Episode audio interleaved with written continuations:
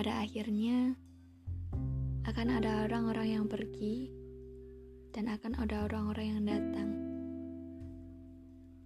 Namun, mereka datang atau mereka pergi itu dengan satu alasan agar kita belajar. Dan di sini, melalui intuisi fajar dan bersama aku manusia matahari, aku akan menyadarkan kalian bahwa pada akhirnya kita hanya perlu mensyukuri apa yang kita miliki hari ini. Walaupun yang ditunggu tak pernah datang, yang diperjuangkan tak pernah sadar, tetapi tetaplah jadilah seperti air yang mengalir dengan sabar. Jangan pernah takut, jangan pernah takut memulai hari baru, dan jadilah seperti lilin yang tidak pernah menyesal saat nyala api membakarnya.